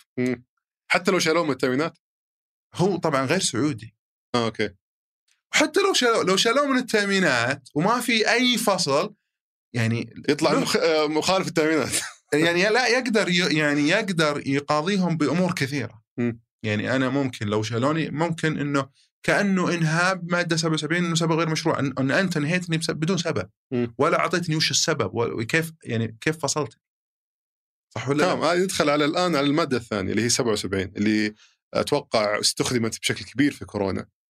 مو آه بس كورونا قبل وقبل يعني. حتى من للأسف الشديد. المادة اللي بفصلك من وجهك مو بعجبني من الآخر يعني. سبب غير مشروع. فصل لسبب غير مشروع. هو الإنهاء عشان برضو نكون واضحين الإنهاء مادة 77 لسبب غير مشروع قد يكون من صاحب العمل أو العامل. مم. خلنا من العامل. خلنا خلنا نركز على صاحب العمل. إنه- بركز على صاحب العمل بس لكن لا يعني لا يعني نخفي إنه العامل الآن لو أنا عامل وباقي بعقدي سبع شهور وانهيت العلاقة التعاقدية بسبب غير مشروع ترى لازم أدفع كاش لصاحب العمل سبع شهور الباقية مم. طبعا لها الياتها ممكن إذا متضمن العقد م- مع مبلغ معين وكذا بس أنا أتكلم ان جنرال. إذا عقد محدد المدة وما ذكر المبلغ المتضمن في العقد يعني مبلغ معين فإنه لازم مبلغ يدفع. تعويض قصدك. مبلغ التعويض إيه. لأن المادة 77 في البداية إيش قال؟ وهذا اللي يجهل يعني يعني ممكن تنقص المعلومة جزء كبير من الناس إنه ما لم يتضمن العقد مبلغا محددا لتعويضه. فإن التعويض يكون كالتالي. يعني أنت تقدر تحط المبلغ اللي تبيه للتعويض مادة 77 سواء لك أنت الموظف أو الشركة تشرط عليك. أو الموظف يا يعني سلام. الشركة تقول إذا أنت مثلا بتفسخ عقدك مزاج سبب مخ... أيوه سبب غير مشروع. فأنت تعوضني مبلغ فلاني. يا سلام عليك. إذا ما حطت التعويض فأنت تدفع مثلا في أيوه إذا ما. حطت التعويض نجي للآتي. إيه. ال ال ال ال إيش قالوا؟ قالوا المبلغ ال- عفوا العقد المحدد المدة إلى نهاية العقد. رواتب. رواتب. من الطرفين من يعني. الطرفين. آه، صح الموظف. باقي بعقدك سنة وأربع شهور تكيش لي سنة وأربع شهور. أنت الموظف. أي طرف إيه. أو- الطرف المتضرر أو الشركة يدفع الطرف للمتضرر يعني إذا الشركة أنهت العقد بسبب غير مشروع تدفع للموظف آه، باقي العقد. إذا الموظف العكس الموظف يدفع للشركة هذا الشيء ولكن هذا المحدد الم... إيه. عفوا العقد المحدد المدة العقد الغير محدد المدة واللي هو فقط للسعوديين عن النظام طبعا الحالي لأنه قد يتعدل في الفترة القادمة نتكلم عن الحالي عن كل سنة نصف راتب. مم. يعني عشر عشر سنوات تاخذ خمس رواتب.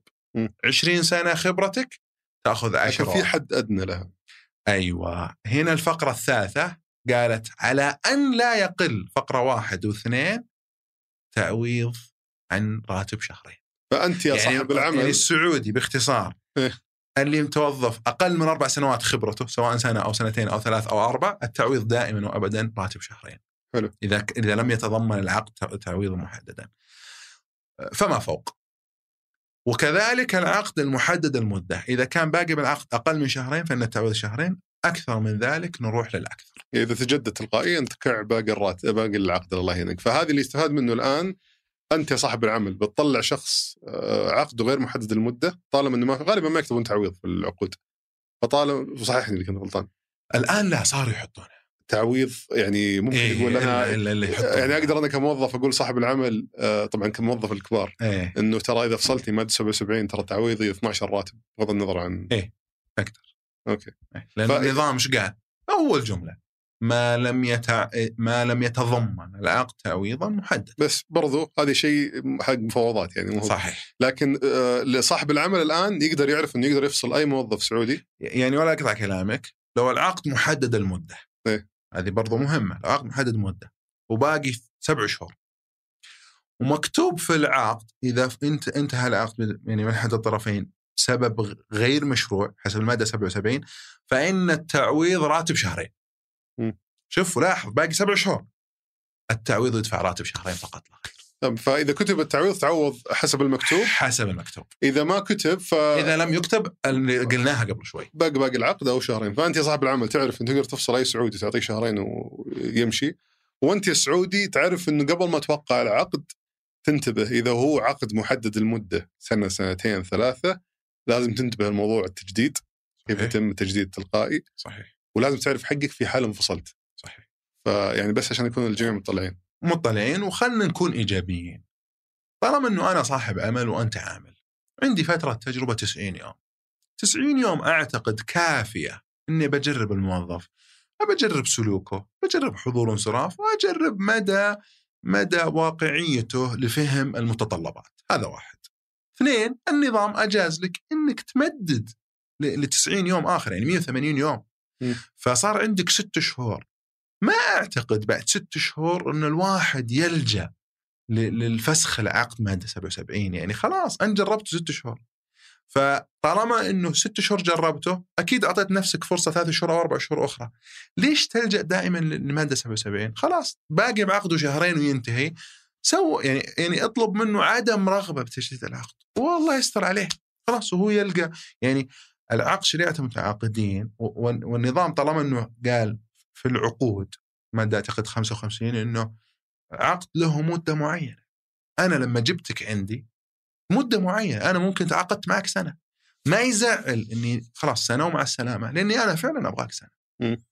فأنا ما أنصح للأمانة يعني مسؤولين موارد بشرية يستخدموا مادة 77 حتى مادة 80 ما أنصحهم إذا كانت فعليا لن تؤثر على العمل. أنا دائما وابدا أنصح بالمادة 74 بالتراضي بالتراضي. م. اتفاق الطرفين. مادة جدا جميلة جدا جميلة. ات... كذا. اتفاق الطرفين. اتفقنا أنا وياك ننهي العقد بتعطيني ثلاث شهور. جزاك الله خير مع اتفقنا أنا وياك ننهي العقد تعطيني شهر. جزاك الله خير. اتفقنا أنا وياك تعطيني سبع شهور. جزاك الله خير. وات فلما نيجي نقول في العقد كذا إنهاء العقد باتفاق الطرفين اتفق الطرفين على إنهاء العقد بالتراضي على أن يعطى كذا واحد اثنين ثلاثة. إيه، المشكلة مو هنا المشكلة أنت لا جاك مدير موارد بشرية ما يفهم وعنده صلاحية يعني مطلقة. هذا اللي هذا اللي تورط فيه اللي حاول. ان شاء الله إنهم فيهم الخير والبركة. فأنا خلينا أتكلم عن هالمدير حق الموارد البشرية لأنه هو اللي فيه كثير آه، منتشر منه. آه، الآن جاك فصلك وأعطاك فصل مادة 77 إيه. لسبب غير أنت الحين بالمناسبة للتوضيح سبب غير مشروع اللي هو 77 المشروع 80 اللي هو أشياء أخلاقية وتزوير و... أو 75 إيه؟ يعني لها كذا ماده إيه؟ تمام فجيتك أنا وقلت آه، خلاص أنا ما بطلعك من الشركة إيه؟ آه وخلاص آه أنا بخير اركبوا ما, ما, ما فرقت معي كم الفترة اللي اقد اللي أو كم المهلة اللي عندي عشان أروح أشتكي على الشركة؟ ممتاز. مدة التقاضي 12 شهر. من آخر يوم عمل يستطيع التقديم آه، والتقديم الآن جدا سهل وبسيط آه، خلال 12 شهر. م. فيقدر في أي وقت فما في شيء يضغطك إنك بسرعة لازم ما انت مستعجل يعني تقدر مثلا بعد ثلاث شهور بعد ست شهور بعد تسع شهور عشر شهور متى ما فضيت. والآن صارت بسيطة تفتح موقع وزارة الموارد البشرية آه، التسويه الودية. خدمة التسوية الودية خدمة في التسوية موقع وزارة جدا الله يجزاهم ألف ألف ألف خير سهلوها. يعني أول تروح وصفة سيرة وملف وتاخذ وقت وموعد الآن تدري أنها خلال 21 يوم. م. 21 يوم ما صار في صلح. على طول تحول إلى ناجز. هذه دقيقة. نحولها لوزارة العدل. أبغى أركز نقطة هنا وهذه أوجهها للموظفين الموارد البشرية تحديدا. ما عاد في سالفة روح المكتب العمل وتتمرمط فيه بالبيت جالس مو إيه. بالبيت. الآن تدري الآن في بعض المواد. وأنت منسدح تشتكي عليهم مو بس أنت منسدح مو أنت تنسدح وأنت مداوم. أنت تدري الآن من لائحه الجزاءات والمخالفات لو أنت أعطيتني جزاء وأنا ما قبلت فيه وله آليته طبعا لكن من آلياته إنه يصل إنه أنا أقدم شكوى في وزارة الموارد البشرية على هذا الجزاء. إنه أنا إنه مو مو مو ب fair بالنسبة لي. برضو تقدمه اونلاين عرفت؟ وانت تداوم ما تدري له. يجيك صاحب العمل يقول انت مقدم علي شكوى. إي والله معطيني جزاء أنا أبغى أخذ حقي. كلمتك ما اقتنعت. فهي مو بس للمفصولين هي حتى للراس العمل إي فاللي أنا أقصده إنه إنه جدا سهلة للأمانة. الله يجزاهم ألف خير. بس أنا ودي شوي نتعمق في الإجراء هذا حق لو نفصله شوي. إيه؟ أنت جاك صاحب عمل تبلى عليك. فصلك من الشركة. ممتاز فصل. وأنت تبغى تطالب بحقوقك. أو مثلا عدى أسبوعين من فصلك ولا أعطاك نهاية خدمه ممتاز. وتبغى تدفه بقوة النظام. فاللي تسويه تروح وتبحث في جوجل أو إن شاء الله بنحطها في رابط في الوصف الحلقة. تبحث في جوجل عن خدمة التسوية الودية قبل كذا أنا آه. أقترح عليه يكتب وزارة الموارد البشرية آه، لوائح الإجراءات نظام العمل. هذا م. أول شيء يسويه نظام العمل. ويقرأ. بس يقرأ.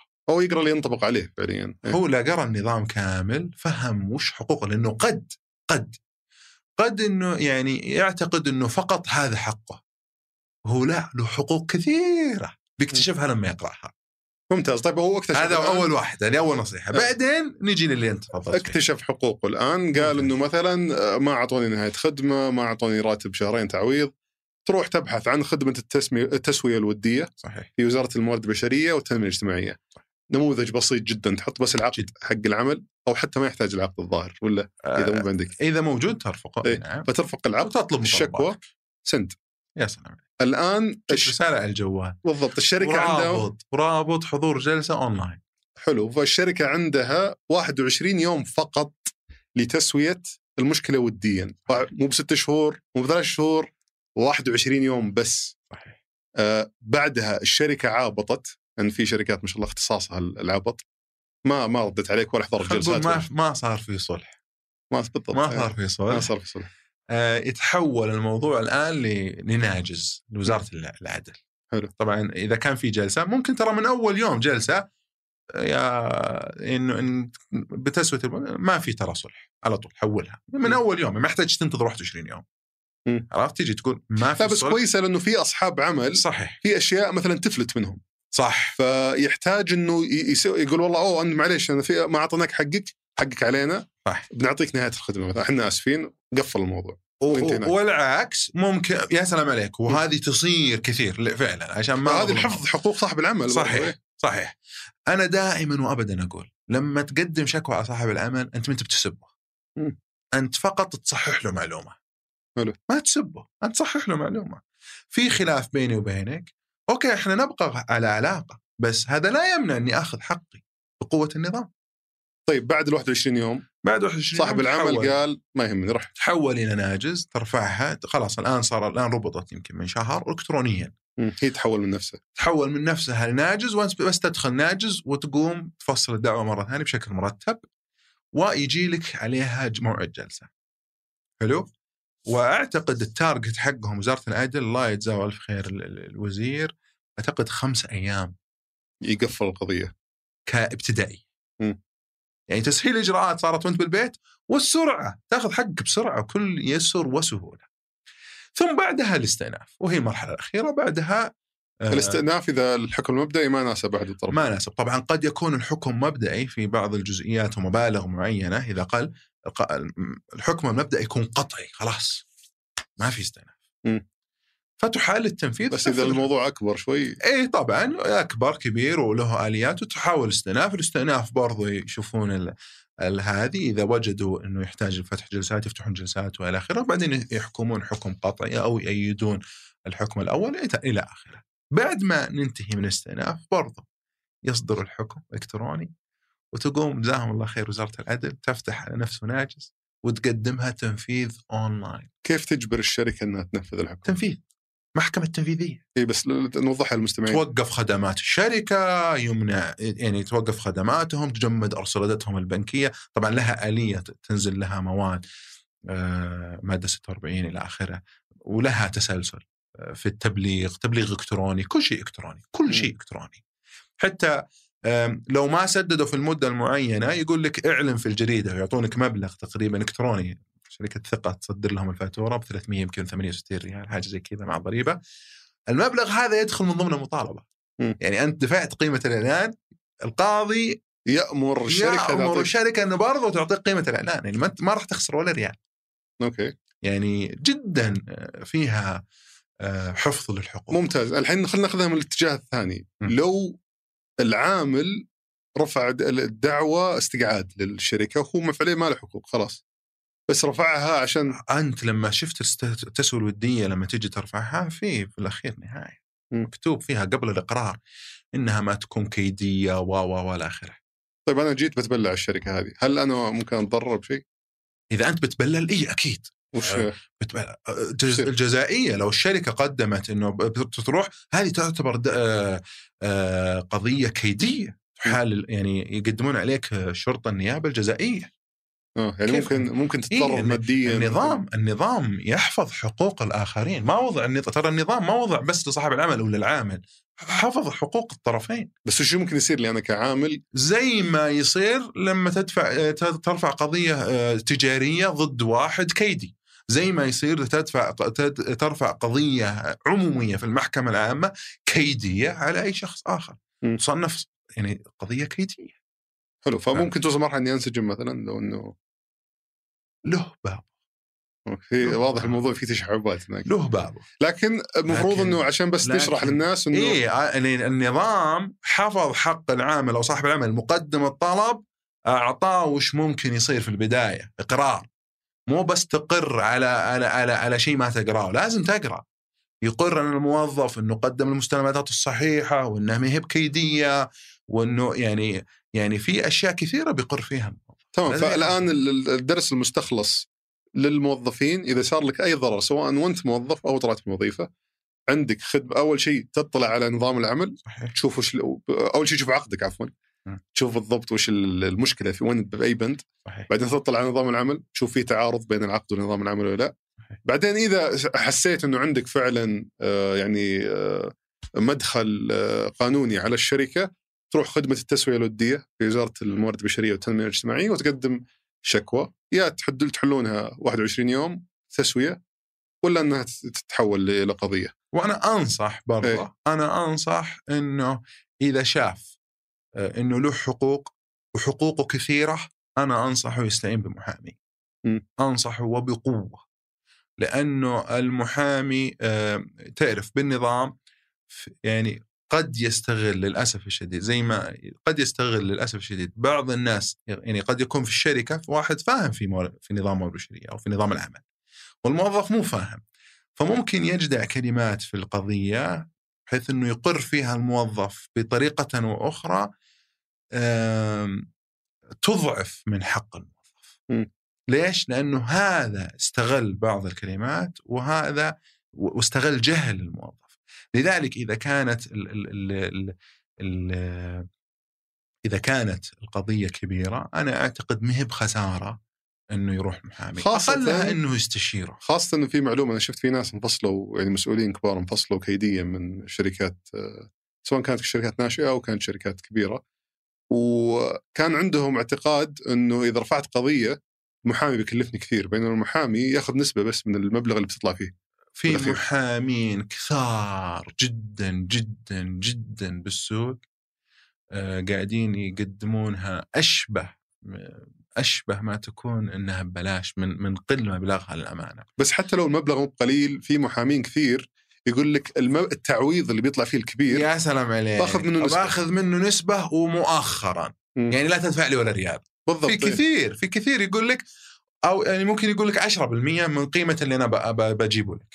مم. ومؤخرا. يتساعد معك. فإذا أنت تعويضك طبعا نجي نقول المحامين برضو تفاوض.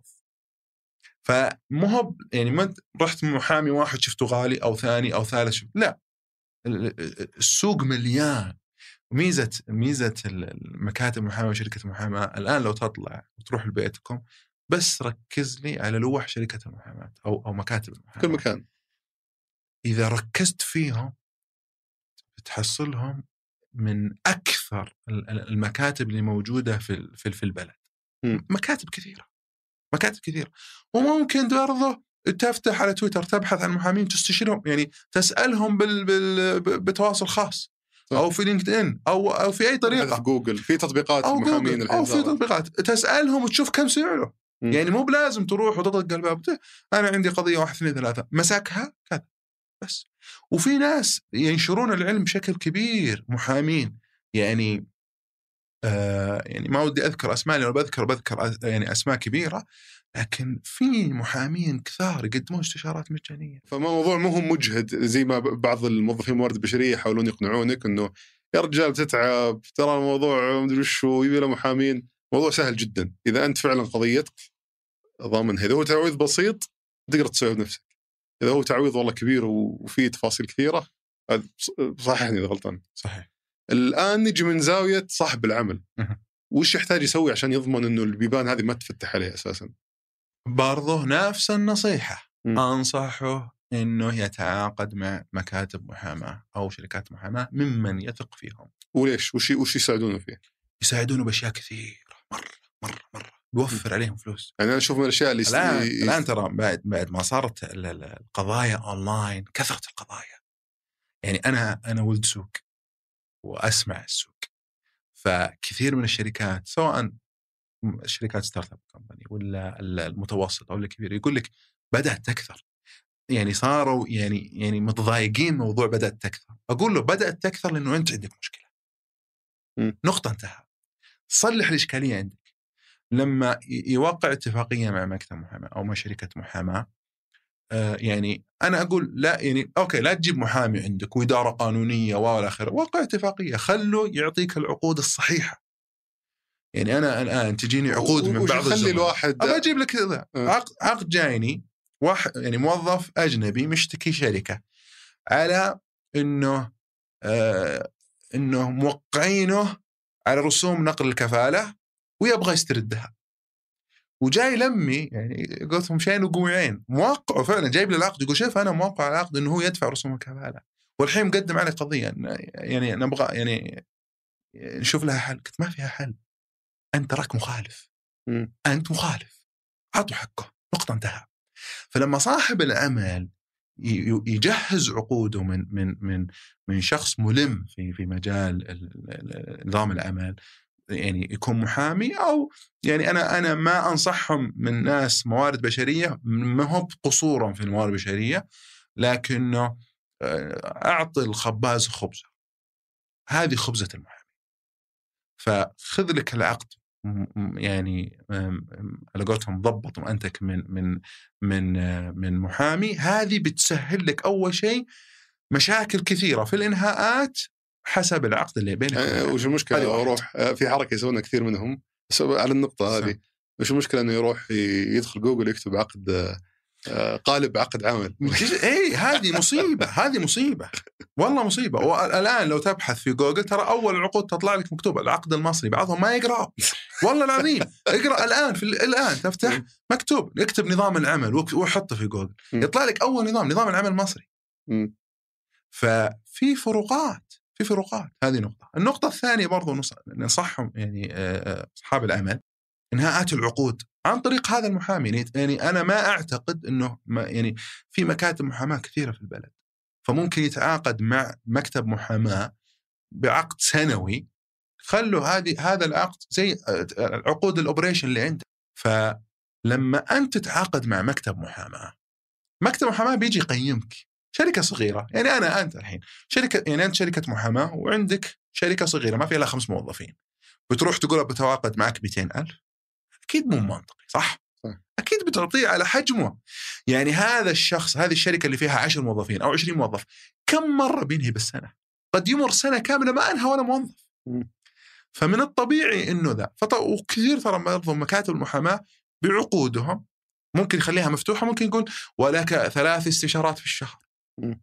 ثلاث استشارات هذا هذا صاحب العمل ممكن كل شهر يشوف له وش الاستشارة المعينة في هذا الجانب فهو عنده العقود لازم يتأكد منها حق التوظيف. العقود اللائحة الداخلية لل... لل- للمؤسسة أو الشركة. وش اللاعب الداخلي وش فيها هذه؟ اللائحة الداخلية كيف اللائحة الداخلية للعمل. وش و- فيها؟ اللائحة الداخلية كيف يصير العمل. مثلا تقدم إجازة كيف تقدم إجازة؟ أول شيء يرفعها الموظف كذا كذا الإدارة. أو يعني على كل شركة مختلفة. هل نقدر نسميها الإجراءات لل- لل- لل- للموظف كل أحد يسمي أيوه كتيب الاجراءات الموظفين يعني. الـ bu- الـ business trip وش حقوقه؟ خلينا نقول حقوق الموظفين مم. يعني سلسلة الإجراءات لحقوق يعني لازم. توثق حقوق الموظفين إنه لو تاخذ انتداب كيف تاخذه؟ طبعا لو بتذكره كيف طريقتها؟ كذا كذا بالضبط كذا. بالضبط والأنظمة هذه كلها لاحظ النظام ألزم صاحب العمل أن تكون بمكان ظاهر في العمل لازم كل الموظفين يطلعون عليها أو يقدرون ما تغبى. إيه ما تتغبى يا ترسلها لهم إيميلات بي دي إف يا تكون في مكان ظاهر في العمل مفتش مفتش العمل لما يجي وين اللائحة؟ لازم تكون في مكان ظاهر. فهذه اللائحة مهمة. كذلك ال- ال- التحقيق مثلا. التحقيق مع العمال مع الموظفين. برضو إيش اللي يمنع اللي يمسكها محامي؟ عطى الخباز خبزة. لا تجي تجلس مع الموظف تقول أنا حققت معاه جتني آه، إحدى الشركات قبل فترة يعني يستفسرون. قالوا حنا حققنا مع موظفة بالتليفون وكتبنا كل الإفادات عليها وفصلناها. قلت وشلون فصلتوها؟ قالوا استنى لها خطاب الفصل بناء على التحقيقات اللي صارت معك. قلت شلون حققتوا؟ قالوا كلمناها جوال سألناها السؤال الأول جاوبت سؤال قلت كتبتوا السؤال الأول قال إيه كتبت كتبتوا الجواب نعم قلت طيب وقعت عليه قالوا لا قلت يعني كأنك ما حققت. ما حققت أنت ففي جهل بقضية التحقيق، كيفية التحقيق، متى يكون التحقيق، وش الأسئلة للتحقيق، هذه أعطى خبز خبزه. فهذه أنصحهم فيها. كذلك الإنهاءات وهي الأهم. لما تتكم يعني تكتمل عندك الصورة، عقودك صحيحة، تحقيقك صحيح، جزاءات اللي تعطيها الموظفين صحيحة، الإنهاءات صحيحة، خل كل موظفينك يشتكون في في في في وزارة الموارد البشريه، كلهم بدون استثناء. بإذن الواحد الأحد ستكسب القضية يعني بس إذا تسمح لي أضيف عليها شغلة مهمة في موضوع الانهاءات تحديدا. هو أهم يعني شوف هي شوف تركيبة إي بس هي ممزوجة. طيب إذا آه أنت جيت آه رحت المحامي قلت له بنهي وأنت عقدك مضروب. لا لا قصدي أنا حتى لو كان الإنهاء سليم قانونيا 100% في نقطة مهمة جدا وهو التعامل مع الإنهاءات مع إنهاءات الموظفين. لأنه هذا وجهة نظر شخصية إنه طالما إنك تعامل الموظفين باحترام وبوضوح وماشي على النظام طبعا ركز لي على باحترام بوضوح هذه مهمة جدا. وفي تواصل واضح لجميع الموظفين انه ليش قاعد تسوي الإنهاءات والأمور هذه كلها؟ بت... ما أبي أقول تخ... عشان تخاف الله ولا هذا المفروض الأصل. لكن تخيل أنت شخص ما يخاف الله. هذا أس أصلا ي... ي... يحافظ على بيئة العمل عندك ويقلل من احتمالية إنه إذا صار خلاف الواحد يلجأ على طول إنه يشكيك. إنه لا يفترض حسن النية فيك صح. ويقول أصلا قبل ما أروح التسوية الودية والله موظفين HR يعني خدومين بروح عندهم أول. بروح أسولف معهم بالموضوع أكلمهم. صح. فبناء حسن النية والعلاقة الجيدة تنزل حتى من تكلفة إنك تروح مكتب العمل أنت يا صاحب الشركة وتحل القضايا ومدري جدا. م. أنا أنصح الموارد البشرية دائما نصيحتين. الأولى الموارد البشرية. إيش معناته؟ المورد البشري. هو الاهتمام بالمورد البشري. لازم تهتم فيه. إذا اهتميت فيه قال بك كذا ارتفعت مبيعات الشركة ارتفع كل شيء في الشركة لأن الشركة دائما قائمة على مين؟ على الله سبحانه وتعالى ثم على المورد البشري. صح. هذه أول نصيحة دائما نصحها المورد البشرية. النصيحة الثانية وش؟ دائما وابدا خليك مكان القاضي. افصل بين الحق والباطل. إذا كان صاحب العمل مخطئ قل له أنك أنت مخطئ. إذا كان العامل مخطئ قل له أنت مخطئ. حلو آه في نقطة أتوقع نسينا نذكرها بخصوص الإنهاءات اللي هي الفكرة المنتشرة إنه لازم تعطي إنذار قبل ما تنهي هذه مو بصحيحة قلنا صح؟ إحنا قلنا إنه بالجزاءات لما قلنا إنذار أول إنذار ثاني فصل هذا شيء غلط إيه؟ ما في شيء اسمه إحنا دائما نطبق لائحة الجزاءات المعتمدة لدى بس تقدر تفصل موظف مباشر بدون إنذار إذا مشيت على الاجراءات إذا فيه مادة في النظام تقول تقدر تفصل الموظف مباشرة نعم. ولها أمثلة زي مثلا فترة تجربة. تقدر تنهي مباشرة. لا غير فترة تجربة. أنا أقول لك. إيه، مادة 77 مثلا. مثلا مادة 77 إيه، تقدر تنهي وتعوض عن هذا التعويض. م. مثلا مادة 74 تتفق أنت وياه يعني هذا من من يعني على قولتهم من مرة واحدة تقدر تنهي. فلازم ننظر للإنهاء شيء والإنذارات شيء ثاني. يا سلام عليك. مو بشيئين مرتبطين ببعض. يا سلام عليك. فباب الإنذارات والجزاءات ترى ما تطرقنا له نهائيا م. وله مواد متسلسلة وله يعني أمور كثيرة زي زي قولتهم نقل تأديبي، ما في شيء اسمه نقل تأديبي. في جزاءات محددة بالنظام عددها ستة ما تطلع منها. ما تقدر تخترع منها اللي هو يعني زي الإنذار أو الخصم يعني الحسم وكذا، لا لها أشياء معينة الجزاء. م. وتطبيق الجزاء على اللائحة. اللائحة إيش مكتوب؟ يعني ما أقدر أخصم على مزاج الموظف. ما تقدر أخصم يعني بالمقدار المذكور في أو أقل. يجوز التخفيف ولا يجوز التشديد. آه فالحين لا. فإذا كان اللائحة مكتوب فيها خصم 10% من يوميتك تقدر تخصم تسعة. تقدر تخصم سبعة. تقدر تخصم ثلاثة صح؟ م. لكن لا يجوز التشديد. ولا يجوز الاختراع أفترض يعني إنك هذه قطعا قطعا. اللي بنقل لك المدينة ثانية بسبب إنه مقصر في الشغل. اي يعني مثلا اي نقل تأديب وكذا ما تقدر تنقل موظف نقل يحتمل عليه نقل إقامته إلا بموافقته خطيا. أو إذا كان العقد إذا كان مذكور في العقد نص إنه يحق لصاحب العمل لها آلية يعني مذكورة نصا بالنظام إنه يحق لصاحب العمل باللائحة مذكورة مفسرة باللائحة لائحة تنظيم عمل. إذا وضع يعني صاحب العمل مكان المدينة ويحق له نقل الموظف في أي مكان في داخل المملكة العربية السعودية آه، حسب مقتضيات العمل.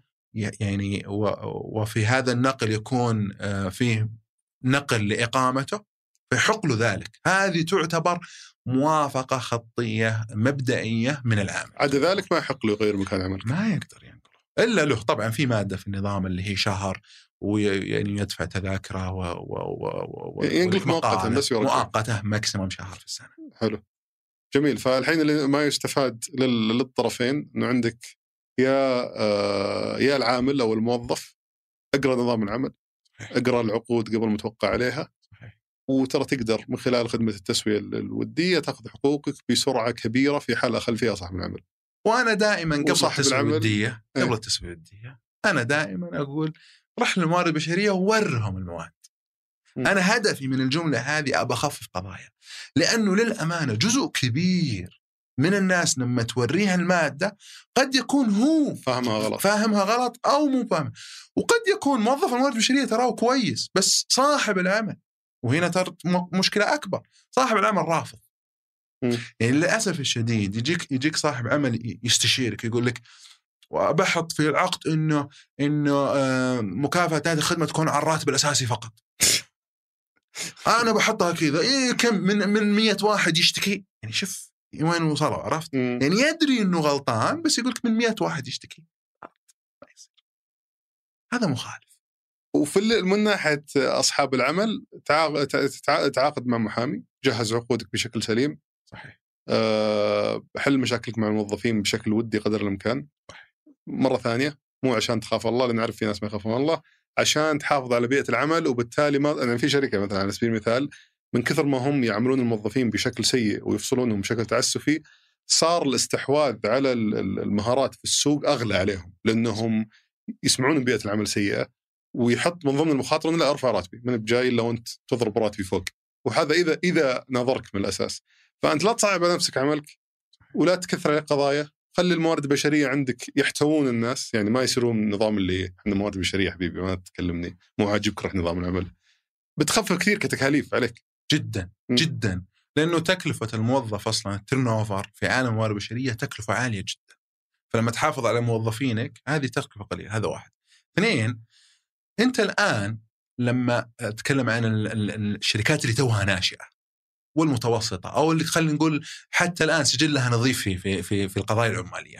لما تروح المحامي وتقول له ويسالك سؤال إنه طبعا يقدر يطلع print ويشوف كم القضايا اللي عندك، يعني يطلب منك print في التعاقد عادي. مم. لما يقول لك كم عدد قضاياك؟ لما تقول له صفر. بيختلف قيمة العقد لما تقول له عندي 50 قضية. صح؟ يصير أغلى عليك. أكيد أغلى. وجع رأس. كلجي وجع رأس. صح ولا لا؟